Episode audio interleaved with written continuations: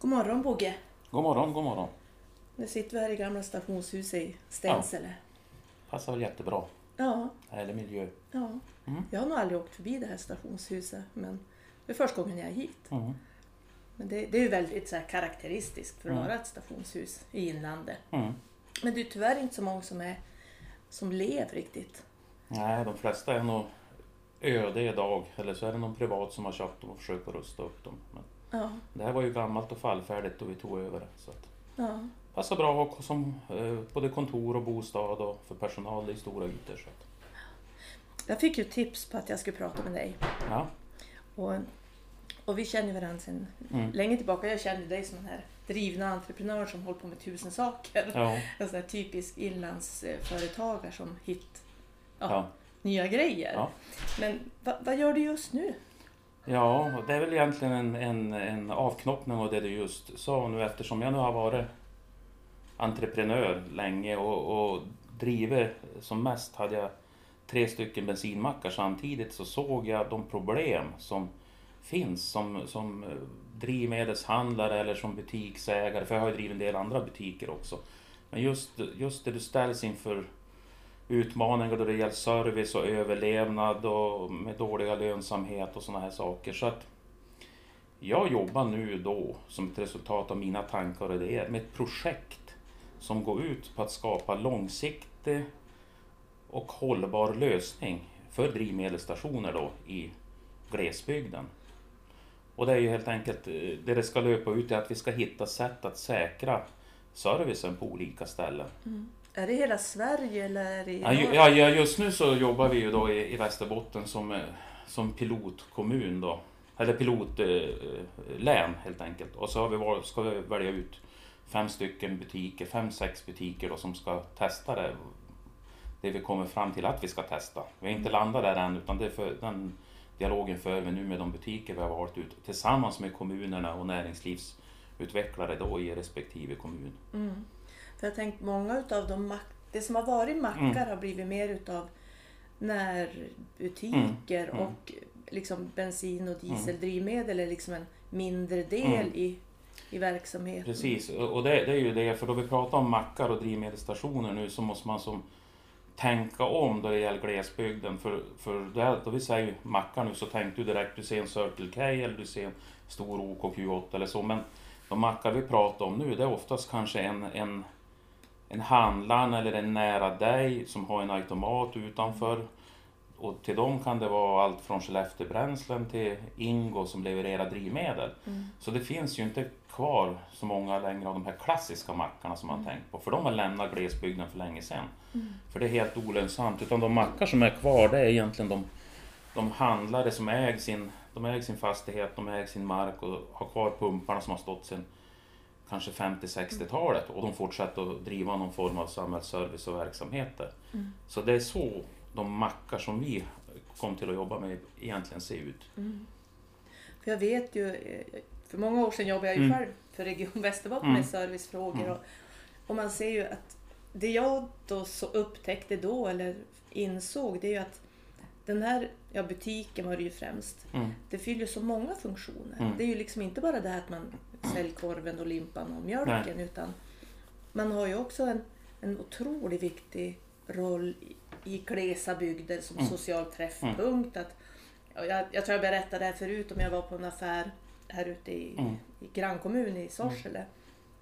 Där det var att, ja men, det var en som kom och frågade efter tidningen. Nej men de hade en men det var ju och så sa de namnet på den här mannen som Mm. skulle ha tidningen för han kom alltid varje dag och köpte Mm. Och det är klart att det var ju väldigt... De visste ju att den här äldre mannen kom varje dag och de hade ju liksom... Och skulle han inte komma då hade de ju naturligtvis varit och kolla upp, ja men var är han? Ja. Alltså den typen av funktion som man inte har på en, en Coop-butik i tätort. Nej, Nej men precis och, och, det- och det är ju precis det som är grejen med hela projektet. Att, att det sista som oftast blir kvar i en Mm. by eller i ett samhälle det är ju den, någon form av den lokala macken. Mm.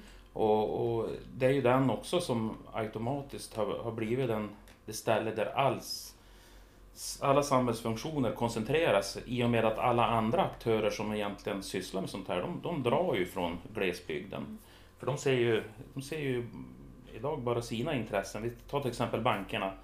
Vi har snart inga banker kvar. Vi har snart i Ja, postkontoren har ju försvunnit för länge sedan. Alltså vi ser ju att all samhällsservice försvinner. Och istället börjar man jobba mer och mer med ombudsverksamhet i olika former. Och de ombuden då, de hamnar ju ganska ofta då på en mack Mm. i någon form. Och, och det är det här som är problematiken också för att man, man jobbar ju idag och säger att ja, men, det är ju jättebra att du får ta den här servicen för du får kunder i butik. Exakt. Och, Ja. och det funkar ju kanske i mycket, mycket större städer. Mm. Där kan du få, få kunder i butik och tjäna pengar på dem. Men har du en, en mack i stan så, så då har du dina 50-60 invånare och inget mer. Ju mer service du får så får du ju inte mer kunder. Mm. Men du får desto mer jobb. Mm. Som du inte får någon ersättning för just och som Ja, sen, inte ger någon större lönsamhet. eh, Marie Svensson i Malgo, Ja. hon la ju ner sin butik för många år Ja. sedan. Och innan hon gjorde det så hade vi, vi hade den här diskussionen kring posten. Mm. Att ja, men man ska ju vara glad att man får ta den här Mm. uppgiften från posten Mm. som utlämningsställe. Ja. Och man får ingen ersättning för det. Nej. Men det innebär kanske en massa merarbete. Man behöver bygga om lokaler, Mm. bygga till lokaler för Mm. att kunna ja, ha någonstans att ha de här paketen. Och det här förstod inte posten då. Nej.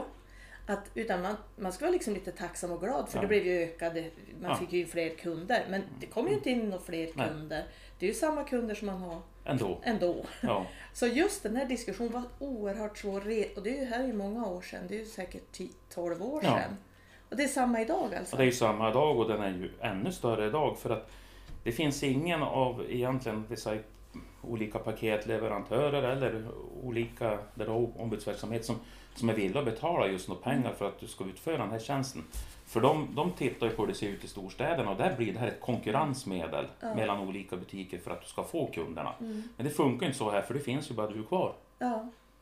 Och, Det är staden som är norm där Ja, och så fattar man inte nej. hur det ser ut. Och så sen förväntar sig, så har vi ju lärt oss på något sätt i, i byar eller glesbygd att service, det ska vara gratis. All samhällsservice ska vara gratis. Allt ska vara gratis. Så, jag menar, och, och oftast har man en ganska hög, stor känsla för den by man är i också. Så till exempel säljer man fiskekort åt fiskevårdsföreningen, ja men då gör man det gratis. För att det går ju till något bra för föreningen. Men, men det är det här som vi måste kunna lära oss att tänka om. Om vi, om vi hade handlat en 20 kronor och la på det på fiskekortet, skulle folk sluta fiska då? Nej, antagligen inte. Alltså, jag menar, det är nog ingen som reflekterar över det. Alltså, vi måste kunna lära oss att service kan få kosta lite grann också. Det gjordes ju en statlig utredning för, ja, det är väl ja, det är många år sedan, just Mm. omkring lokal service. Och som i efterspel av den utredningen så ökar man på eh, det bidrag som man kan söka som lanthandlare Mm, på, i, i glesbygd. Och det jag, jag var involverad i den där statliga utredningen eh, och gav inspel. Och min ingång var att man ska inte få bidrag utan man ska få ersättning för den samhällsservice man levererar. Mm. Och att då ska samhället bekosta den. Precis det här som du säger. Mm, Man är, mm. man är både turistinformation, man är Mm. samlingspunkt för äldre, man har koll Mm. på koll på människor och man kan liksom ge Mm. den här servicen på Mm. små saker. Och det är inte någonting man ska behöva söka ett bidrag för. Nej. Utan jag tyckte att det skulle vara en, en ersättning, en samhällsersättning. Men nu blev det ju inte så. Nej. Det, det blev ett bidrag och man ökar på den, den Mm. slanten. Och, och, och det är precis det du säger, det, det är ju det som jag också tycker är lite fel i det här. Det är ju det att alltså ska man bygga en långsiktig service eller skapa långsiktig hållbarhet kan man aldrig göra det genom bidrag. Mm. För att det är ju, ba- det här, det är ju bara brandsläckning. Mm. Du, du, du ser bara till att du överlever för korta stunder. Du vet ju inte hur nästa vad säger man, programperiod ser ut som man bestämmer om. Hur ser bidragsnivåerna ut och efter ett nytt val. Mm. Utan då är det ju bättre att man, finns, som jag ser det finns det ju två modeller. Den ena är ju att man ers, betalar för den service som du får ut där. Och det tittar ju många kommuner på. Man börjar ju göra det nu i de här lokala serviceprogrammen. Mm. Att ersätta handlarna för, för det de Mm. levererar. Och nästa grej det är väl det är, ju, det är ju att man i grund måste titta över politiken som ligger bakom till Mm. bakom hur det ser ut i Sverige, hela glesbygdspolitiken. Då, jag vet inte hur mycket man ska sticka ut hakan men alltså det är, man, man kanske måste börja diskutera differentierade skattezoner exempelvis. Mm. Men eh, jag vet inte, det, det är ju mina personliga tankar. Det är ju ingenting som jag jobbar med i det här projektet. Men man funderar ju mycket runt sådana såna här saker. Men du retade ju upp det här för någon tid sedan. Ja, och det var... Som fick väldigt stor spridning. En företagares vardag Ja, delar och han har ju väldigt många följare. ja. ja men det var ju egentligen precis det som var då, då Stefan Löfven här sa att han hade stå, stoppat butiks och mackdöden. Och jag förstår ju vad han menar. Butiksdöden har man ju stoppat då genom de här bidragen tycker man. Och det har man gjort. De lanthandlarna överlever ju, men man har inte stoppat mackdöden. Mm. För till att börja med så kan en mack aldrig nå upp till den nivå att du får de här bidragen nästan. Eh, och sen så är det ju så många andra faktorer idag som man måste ta hänsyn till när det gäller mackar. Och som kom till att vara det som dödade dem. Det är ju inte bara den minskade lönsamheten utan det är ju de miljöskulder som många av de här anläggningarna står på idag. Mm. Dels de krav som du måste göra för att få fortsätta leverera drivmedel men även det som finns, det gamla skräp som finns i backen kanske Mm. sedan 50-60 år tillbaks. Läckande måste- tankar. Ja, läckande tankar och spill och sånt här. Det, det är det som jag tror kommer till att knäcka många av våra mackar i framtiden. Mm.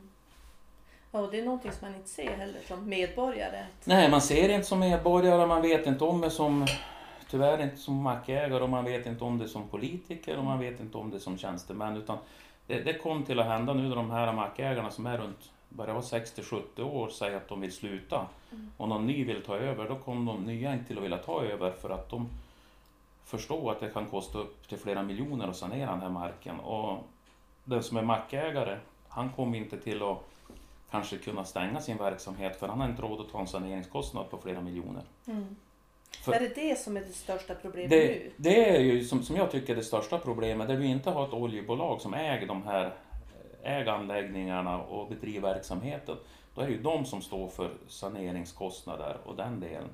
Men på, man, man skärpte ju den här saneringslagen, den skärpte man 99 och sa att även fast att hittar man inte verksamhetsutövaren som har gjort skadan i marken så är det fastighetsägaren Mm. som är ansvarig. Och, och då, då vet du hur det kan fungera ute på en gammal mack. Alltså den har du, han som tog över den här 1970-80, han tog över den av sin pappa någon gång. Och så äger han mark och fastighet. Sen har han i god tro haft någon oljeleverantör som har levererat dit. Mm. Det, han, det man aldrig har tänkt på då det är ju det att det är faktiskt han som är verksamhetsutövare som är ansvarig för saneringen och det är inget konstigt i sig. Det, det, det ska man ju veta om men då, skär, om man då dessutom skärpte lagen att det blev fastighetsägaren som i slutändan är, är skyldig att ta saneringskostnaderna, då blir det ju ännu svårare. För att det är inte säkert man hittar verksamhetsutövaren som har gjort skadan. Mm. Du ska ju kunna säga, vem, vem var det som gjorde den här skadan? 1975. Ja. Om man kom fram till att det är då, ja men då hittar man inte den, ja men då blir det fastighetsägaren som ska stå Mm. och fixa det här. Och, och vi vet att var tredje anläggning som finns ute i Sverige idag har någon form av problem. Mm. Vi vet att snittkostnaden, bara för att bo, alltså om man gör en borrning utan att hitta någonting, men det är ändå 600 000 kronor minst. Mm. Men där du då hittar någonting så kan det gå ända upp mellan 5 och 10 miljoner kan det Mm. kosta. Och då tänker man sig, om det är klart att man måste sanera marken, alltså Mm. miljöskulden Ja. måste vi ta hand om. Mm, Men frågan är vem som ska stå för precis. ansvaret, det är väl det då? Ja, ja men det, det är ju det som har varit och det har varit diskussioner tidigare. Det fanns ju någon slags som fonde, fondering av pengar till, till sånt här och, och det som man har diskuterat och föreslagit då från bransch, eh, branschorganisationen det är ju det att om man till exempel använder två öre av varje eh, två öre på varje skatteliter om man säger så till att skapa en fond så skulle man få in nog mycket pengar för att sanera alla stationer på ett år. Det är, det är inte mer som, som krävs. Men, men eh, det, man, eh, det är det jag säger, det är politiken som måste ta det här. Antingen måste man välja att hjälpa till med de här saneringarna som man har eller så måste man bestämma sig för att vi har inga drivmedelsanläggningar i glesbygden utan de får lägga ner sig. Om jag förstår vad du säger så säger du att man skulle kunna öka på skatten på, på bränsle. Ja, jag vet inte om det är möjligt heller öka på eller gärna använda. kanske använda två öre av det man, det man redan idag betalar. Mm. Men man får inte öronmärka skatt. Det är väl det som kanske är problemet, jag vet inte. Mm. Vi har ju väldigt höga skatter Ja. på drivmedel. Mm. Och det, Nej, och därför kan man ju tycka att, att den skatt man har på drivmedel kanske ska gå till sånt, sånt som har med drivmedel att göra också. ja. Men det är, det är person, personliga tankar hur man ska Ja. kunna lösa det. Ja, för, för det här jag tänker att ja, men det är ju sånt här som, ja, som du säger också att politiken måste Mm. se problematiken. Och, det är ju, och problemet är ju då att det kanske är så få politiker som förstår den här gleshet Mm. och landsbygdsperspektivet. Och att staden, Mm. att man ser liksom, ja men man tror att det är som det är i stan. Mm, mm. Att det är klart att då är det ett oljebolag som är ansvarig som, Mm. som, för det här. Mm. Ja. Jo, för de stora oljebolagen, de har, alltså, där de driver verksamheten och äger det här, de har råd att ta dem, de har råd att sätta in de pumpar som krävs, de har råd att plasta alla cisterner som det krävs. De har råd att, byta de här drivmedels, eh, eller vad heter rörledningarna som ska ha gjort innan 2022. Det som kommer till att hända är att de som inte har ett oljebolag bakom sig som står för det, nu innan 2022 så ska ju allt det här vara gjort. Mm. Och, det, och egentligen innebär det ju att för lagen är ju så att så länge du bedriver en verksamhet och inte misstänker att det är någon, någonting i mark- marken, Mm. då, är det, då behöver du inte provborra. Då kan det bara rulla på. Mm. Men om du upphör med verksamheten, då måste du provborra för att se hur det ser ut. Mm. Och då, då i ungefär en tredjedel av fallen kom det till att vara problem. Mm. Och dessutom då om du nu, nu måste de ju gräva upp marken för du måste plasta alla cisterner och du måste byta rörledningar. Annars får du inte fortsätta efter 2022 och sälja drivmedel. Men om man skulle rita en karta då över norr om dalen Ja. uppåt. ehm, och så ska man säga att okej, här- här finns det mackar idag. Mm. Eh, och efter 2022 Mm. så ser det ut så här. Mm. Vad är skillnaden då? Ja, det är, jag vet inte just norr om, om, om eh, Dalälven men jag vet att i Sverige så ska, så ska ungefär 300 stationer bort. Ja. Det, det, och det, det är väl vad man beräknar i branschen kommer till att försvinna. Och då vet man att, att eh, det är ganska logiskt att de ligger inte i storstäderna och i, i efter stora Europavägarna där du Mm. har en stor omsättning. Utan de kom till, det kom till att drabba glesbygden. För det var det som hände i priskriget 2007. Man, man sänkte ju, med priskriget så blev ju marginalen så liten på, till oljebolagen att det var billigare att ta bort drivmedelsanläggningarna helt och, och gräva bort dem. Mm. Eh, Det var mer lönsamt än att se till att leverera någonting dit. Det var dyrare att leverera drivmedel dit och så var det för dyra underhållskostnader. Mm. Så, så då tog man ju bort dem och då tar man bort de som, är, med de som har små volymer helt enkelt. Ja. Inte log, det är jättelogiskt. För det jag tänker att ja men okej om jag ska ge mig ut och köra bil i Sverige. Ja men jag kan tanka var sjunde mil eller något sånt där. Eh, efter de större vägarna. Mm. Problemet är ju inte för den som har den typen, ja Nej. transporter på det sättet. Utan jag tänker på de som har jordbruk, Ja. Mm. skogsbruk, som lever ute på landsbygden. Som kanske måste ta sig väldigt långa avstånd för att bara tanka Ja. drivmedel. Det är där problemet blir. Och jag tänker på fjälldalar Ja, som är väldigt problem. säsongs... eh, Ja, det är liksom utifrån säsong hur många som trafikerar. Nej, men det, det, det är ju det är en jättedyster bild om man tänker så. Att det till- jag tror det kommer att försvinna jättemånga. Ja. Och, och bara nu, jag, jag har kontakt med en, det är inte det här länet, ett annat län då. Han, han ska bygga om sin drivmedelsanläggning för han, han måste ju göra en del av de krav som man ska göra nu innan 2022. Eh, om han, han har sagt det att klarar han inte av att göra det år då kommer han till att lägga ner sin verksamhet till årsskiftet. Och, eh, för han handlar det om att hitta finansiering till det här, för det, det handlar om flera, flera miljoner. Och eh, då ska man veta att i, i den byn så är den använder räddningstjänsten använder honom, eh, hemtjänsten och så har kommunen ett sånt här, vad säger man, som servicekontor eller lokalt kontor där de har, de använder det för, ja, för att tanka gräsklippare och så här. Om han lägger ner då blir det sex mil enkel väg till närmaste tankställe. Och dessutom är, har väl, antar jag att det är annan service också. Ja, det är annan service Ja. också då förutom det. Det är inte Ja, bara det är drivmedel. inte utan bara då är det, drivmedel man nej, nej, utan då Mm. försvinner ju den an, an, all annan Mm. service också. Mm. Och, och, och det här det är ju en jätteutmaning. Mm. Att, eh, att han ska kunna överleva och hitta pengar till det här. Mm. För att det är ju nästa del, att, att en snittmack i Sverige idag, alltså den, den gör, gör du en vinst så gör du en vinst, ett resultat på ungefär 100 000 per år. Mm.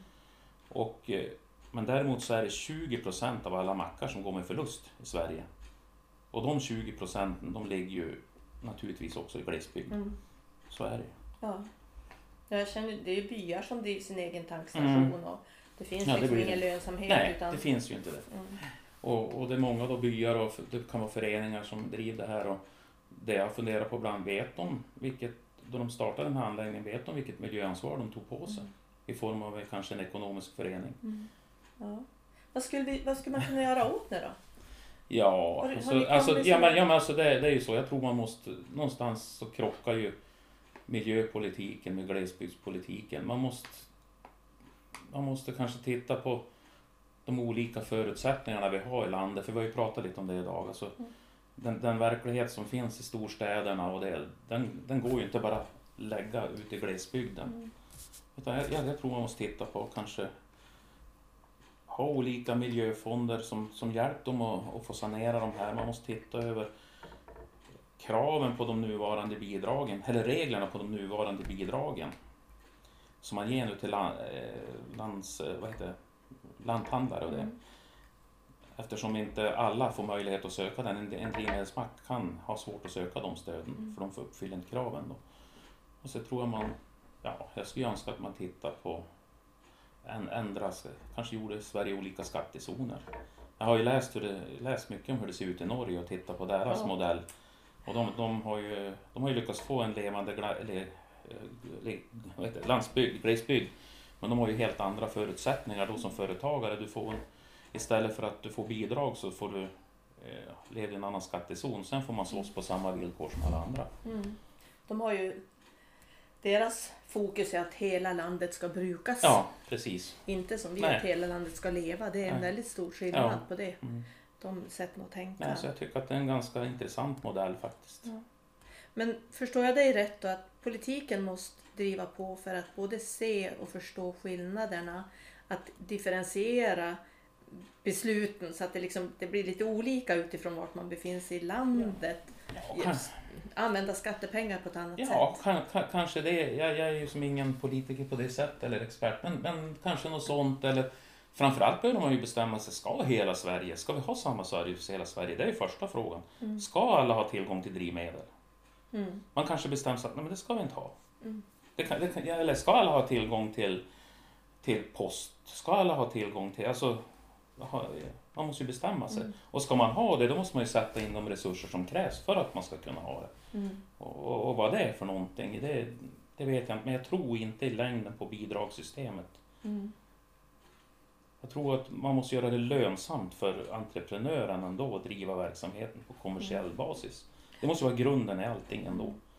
Sen tror jag också att man, man måste se helheten. Man Mm. kan liksom inte plocka ut och säga att ja, men det handlar bara om drivmedel eller det handlar Nej. bara om eh, posten eller det handlar Nej. bara om eh, leverans av mat till. Mm. eh, inom hemtjänsten. Alltså att man, man måste se att allting hänger ihop. Mm. Och att, att ska, det, ska ett samhälle fungera så Mm. måste alla delar finnas på plats. Men att de kan se olika ut. Ja. Alltså man kan hitta lokala lösningar. Ja. Men det problemet där är ju att lagstiftningen är likadan ja, utifrån om du har en verksamhet Mm. inne i Stockholms ja stadskärna det. eller om du har det i Glommersträsk. Så är det samma lagstiftning. Mm. Och miljölagstiftningen är ju också verkligen så. Ja. All lagstiftning är ju så. Ja. Och det är ju...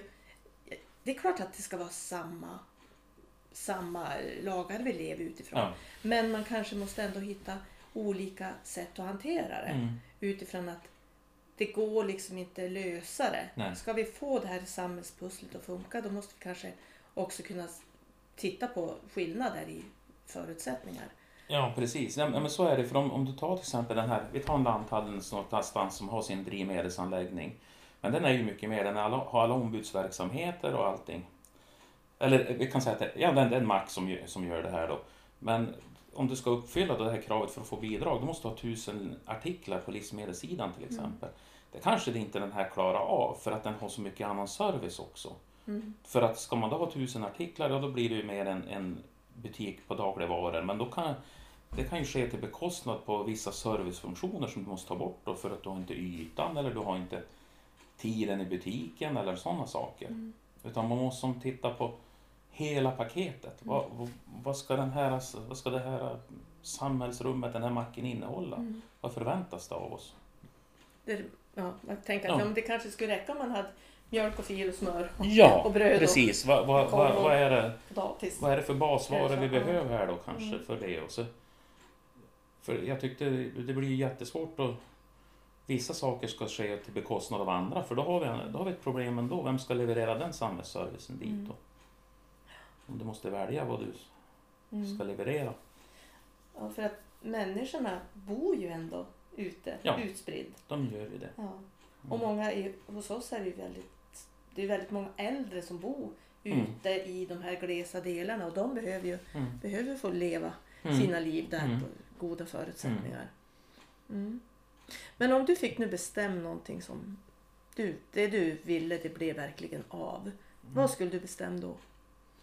Ja, det jag tror jag skulle kunna bestämma om, jag, jag skulle kunna bestämma om att man ändrar kanske eh, skattesatser och sånt. Men det är ju en sak. Men det jag tror man skulle kunna göra det är att, att ändra det här då man tittar på om du till exempel ska, ska ge en, en eh, mackstöd eller en, eller en lanthandelsstöd.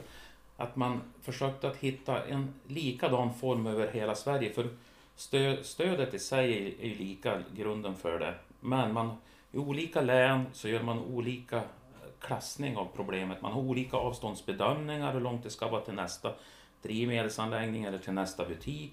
Man tittar inte specifikt på vad, vad innehåller din butik som är viktig för orten. Utan man har sig vid, vid vissa, visst reglement som gör det svårt kanske att få de här stöden. Man borde komma fram till att man ska kunna vara lite mer flexibel. Hur viktig är den här butiken i våran region? Den kanske inte uppfyller kravet på tusen artiklar. Men den är jätteviktig ändå för den har så mycket annan samhällsservice. Den, eh, jag skulle vilja att man att man var- mer flexibel i hur man, hur man gör bedömningen av, den, av de nuvarande stöden vi har. Mm. För att göra någonting akut. Ja. En akut insats i alla fall. Mm. Det- det- det- ja, man kanske skulle behöva plocka isär det i delar. Att ja, men Ja. har man det här får man de här pengarna, har man det här Ja. får man de här pengarna. Och så kunde man Mm. lägga ihop det. Men, men och det vet jag, det, jag har pratat med, med dem på Länsstyrelsen och så om det och de tycker väl kanske likadant. Men problemet är att de är så överbelastade med arbete idag så de är ju bara glada om de hinner titta på om de följer det enkla regelverk vi har utan att ens besöka platserna. För det, det skulle krävas en sån här gång att, att man skulle måste verkligen besöka de här platserna och titta på hur, hur ser förutsättningarna ut. Alltså det krävs lite mer. Mm. Jag, jag tycker att medborgardialog är jätteviktig. Mm. För det, det jag är också rädd för det är att man tappar tilltron till samhällskontraktet som, som inlandsbo. Mm. Att man säger att ja, men vi tappar den servicen och den servicen. Mm. Det samhället lovar det håller man inte. Och, och jag tror att det är jätteviktigt att man, att man pratar med medborgarna Mm. och för en dialog så att det inte blir det här vi och dem och Mm. det är de där Umeåborna Mm. som bestämmer allt. Och Ja. att man skapar liksom ett, ett eh, motsatssamhälle. Mm. Utan att man skapar istället tilltro till att, att de som ska fatta beslut att driva igenom saker, att man gör det utifrån vad som är bäst för oss, Mm. för mig. Mm. Ehm, Så att där tänker jag att ja, men där skulle det verkligen behövas en, ett samtal med de som berörs av den här butiken eller Mm. macken. Ehm, Hur, hur kan vi lösa det på ett Mm. bra sätt?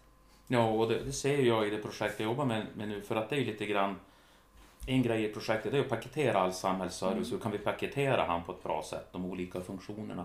Men, men ena grejen det är också att vi, vi ska ju fråga medborgarna på varje Mm. plats. Vad vill ni ha? Hur ser ni på service? Vad, vad, vad kan man mer leverera från en, en servicepunkt idag? Mm. Och det, och det tycker jag har varit jättebra där vi har varit hittills. För det, det finns så mycket idéer som inte är traditionellt Mm. när man tänker service. Utan det finns så många som tänker annat. Kan du ge något ex- exempel? Ja, det, vad, ska, jag- vad ska jag säga? Ja, men det, det finns allting från att man ska kunna på en sån här mack Eh, lite grann som det glesbygdsmedicincenter håller på. Du ska kunna ta dina blodprov och blodtryck själv, gå in och göra det. Du ska kunna använda, det ska kunna vara mäklartjänster, du ska kunna ladda dina telefoner eller fylla på telefoner på en enkelt sätt på någon annan eh, lösning. Du ska kunna ha stugförmedling. Ja, men det finns många, jättemånga olika saker. Mm. Men det, det som de flesta ändå säger att det kommer inte till att vara varor som är det viktiga för att få butiken att överleva utan det är att man kan leverera tjänster som samhället Mm. behöver. och att butikerna måste kunna sälja tjänsterna. Mm. Det är där någonstans, alltså vi, vi landar med att det är tjänster som är behovet idag, olika former av service och tjänster. Om man vill veta mer om det här arbetet som du håller på med, Mm. vart kan jag... Finns det någon hemsida eller något?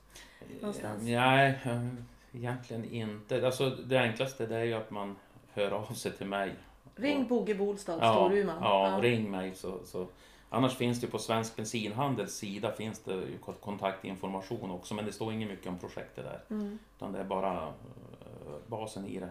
Nej, men man hör av sig till mig så får man nyhetsbrevet som vi gör, får man regelbundet och då får man ju veta lite grann om vad som händer i projektet. Och, och där jobbar vi lite annorlunda med det här nyhetsbrevet för att jag vill att den ska vara mer i beskrivande och i reportageform. Den ska vara ganska ga- ganska ärlig i hur det verkligen ser ut ute i glesbygden. Så att, hoppas den är lättläst för alla. Mm. Så det tycker jag är det bästa sättet att ta del av vad som händer i det. Jag funderar, efter det här Mm. där du gick in och, och det blev ganska stor spridning på, Ja. i sociala medier om Mm. hur du reagerar på det här att makt och Mm. butiksdöden var stoppad. Mm. Har, du, har du fått liksom någon respons på det? Mm, har ja. hört av sig folk? Eller? Jo, det har jag fått. Fick jätte, jättebra respons faktiskt. Inte, jag tror inte jag fått någon som har varit jättenegativ. Däremot förstår de kanske inte, inte vad jag menar. Jag har fått förklara mer var, varför jag menar att makt, maktdöden har, har, inte har stoppats. Men bara positivt från branschen framför allt. Tyckte Mm. de det är jätteviktigt. Olika oljebolag och, och branschorganisationer har hört av sig och Mm. tyckte att det är jättebra. Och även faktiskt från en del politiska sidor och, och från företagarsidor har det Mm. kommit bara positiva reaktioner. Och att man nu lyft frågan överhuvudtaget och börjat debattera Mm. landsbygds och glesbygdsfrågor. Det är ju inte bara jag som har lyft fram det utan det är fler som lyfter fram det Mm. just nu också. Ja. Och, Jo, det, det, det, Det händer någonting. Ja, det händer någonting nu Ja. och så därför tror jag det är jätteviktigt också att man, att man förstår att nu är det allvar. Mm. För, för vi har ju faktiskt kommit dit i glesbygden att nu är centralorterna det är också viktiga servicepunkter. Mm. För att förut försvann all service i byarna. Nu håller även all service på att försvinna in i centralorterna. Mm. Och, Ja. och det är lätt man missar det just nu. Ja. Men, men det, jag tyckte det är bara enkelt att titta på hur mycket banker har man. Mm. Jag idag. hade ett, eh, ett möte här igår, så jag körde hit igår kväll. Och så tog jag mig en kvällspromenad och så gick jag Ja. runt byn. Ja, Och det är klart att man ser att det är inte särskilt mycket det är inte särskilt mycket butiker Nej. kvar utan det är mer eh, ja, Ja. skogsbolag och mm, den typen Mm. av organisationer och att det inte är så mycket utan det är liksom Coop och Ica och Ja. sen är det inte så mycket Nej. mer. Det är någon ja, blomsterhandlare Ja. och färghandlare och så. Det är klart att det, det påverkar ju. Eh, men det är också, man har ju full förståelse för att Mm. man måste också kunna leva på det man ska, om man ska ha Ja. butik. ja.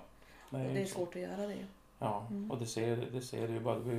Lycksele börjar ha problem att ha kvar sina butiker som ändå varit som ett regionalt köpcentrum Mm. i inlandet. De har ju tufft. Mm. Umeå, det är inte så enkelt för alla butiker där heller Nej. längre. Och konsekvensen blir att Mm. det blir mer e-handel Ja. och man ska hämta ut sitt paket någonstans. Och då går jag till den närmaste macken och Ja. vill hämta ut mitt paket. Ja, Som då behöver bygga ut sina lagerlokaler och så har man kanske inte råd med det och så blir det ja, och massor av omiljövänliga transporter. Det går Ja. halv, flera halvtomma bilar för det finns så många olika bolag. transportbolag Ja, som, inte, precis. som inte vill samköra. Så, Ja, att samordna transporterna Mm. som är en väldig miljövinst för samhället. Och det är ju en utmaning i sig. ja. Tekniken finns, möjligheten finns, men att Ja. göra det. Och det jobbar vi ju faktiskt med i Svensk Bensinhandel också i ett separat projekt. Bra, Men det, det behövs. Mer digitala tjänster, mer samordnade Mm. transporter, mer, mer e-handelslösningar även lokalt. Mm. Ja. ja, det är bra du jobbar på. Men en sista fråga. Mm. Jag brukar alltid fråga, eh, ungefär som när jag fick tips Mm. om att prata med dig. Vem, vem ska jag prata med? Vem tycker du att jag ska prata med? Jag tycker att, det, nu pratar jag drivmedel och då tycker jag den viktigaste frågan att lyfta det är flera saker under, under drivmedel och det är som jag, som jag sa då eh, miljöskulderna, besittningsrätten och då tycker jag faktiskt du ska prata med Robert Dimlich som är VD i Svensk Bensinhandel så att han får, får verkligen tala om hur, det, hur, hur drivmedelssituation ser ut nu och hur den kan komma sig ut i Sverige. Han bor i Umeå va? Nej, han bor i Stockholm. Mhm. Vad Men sa du? han- Svensk bensinhandel? Ja. Mm. Jag träffade den karln faktiskt. Mm. Väldigt trevlig. Mycket trevligt. Han var ju med nu då vi gjorde workshops. Han åkte Mm. runt här. Och jag såg namnen hans. Jag var, Ja, tänkte jag skulle ha varit med men jag var ju... otroligt kompetent människa Ja, måste jag säga. Jättebra. kul. Mm. Vi, vi följer varandra på, i sociala medier. Eh, Ja. Ja. Men hör du Mm. Hogge. Vad ska du göra nu då? ja, Vad har du på schemat? Ja, eh, jag ska försöka sammanfatta de dagar som jag har gjort nu. Jag var, var i Sorsele förrgår och Vilhelmina igår. Så ska vi försöka sammanfatta det och få igång något bra. Det, jag tror vi har fått igång fem arbetsgrupper som ska jobba med, med butiker ute i, i, i glesbygden eller i de här inlandskommunerna. Så, att, Bra. så, det, Spännande. ja, så att det ska vi nog göra. Spännande att följa. Mm. Du måste skicka det där nyhetsbrevet till mig så Mm. jag får följa med Ja. jobbet. Det ska du få. Och nu ska du ha något Skype-möte här. Så Ja. nu ska vi packa ihop. Ja, Tillväxtverket ska vi prata med. Ja, det är bra. Prata med Jag ska göra Tillväxtverket. Ja, det är bra. Mm. Tack ska du ha. Mm.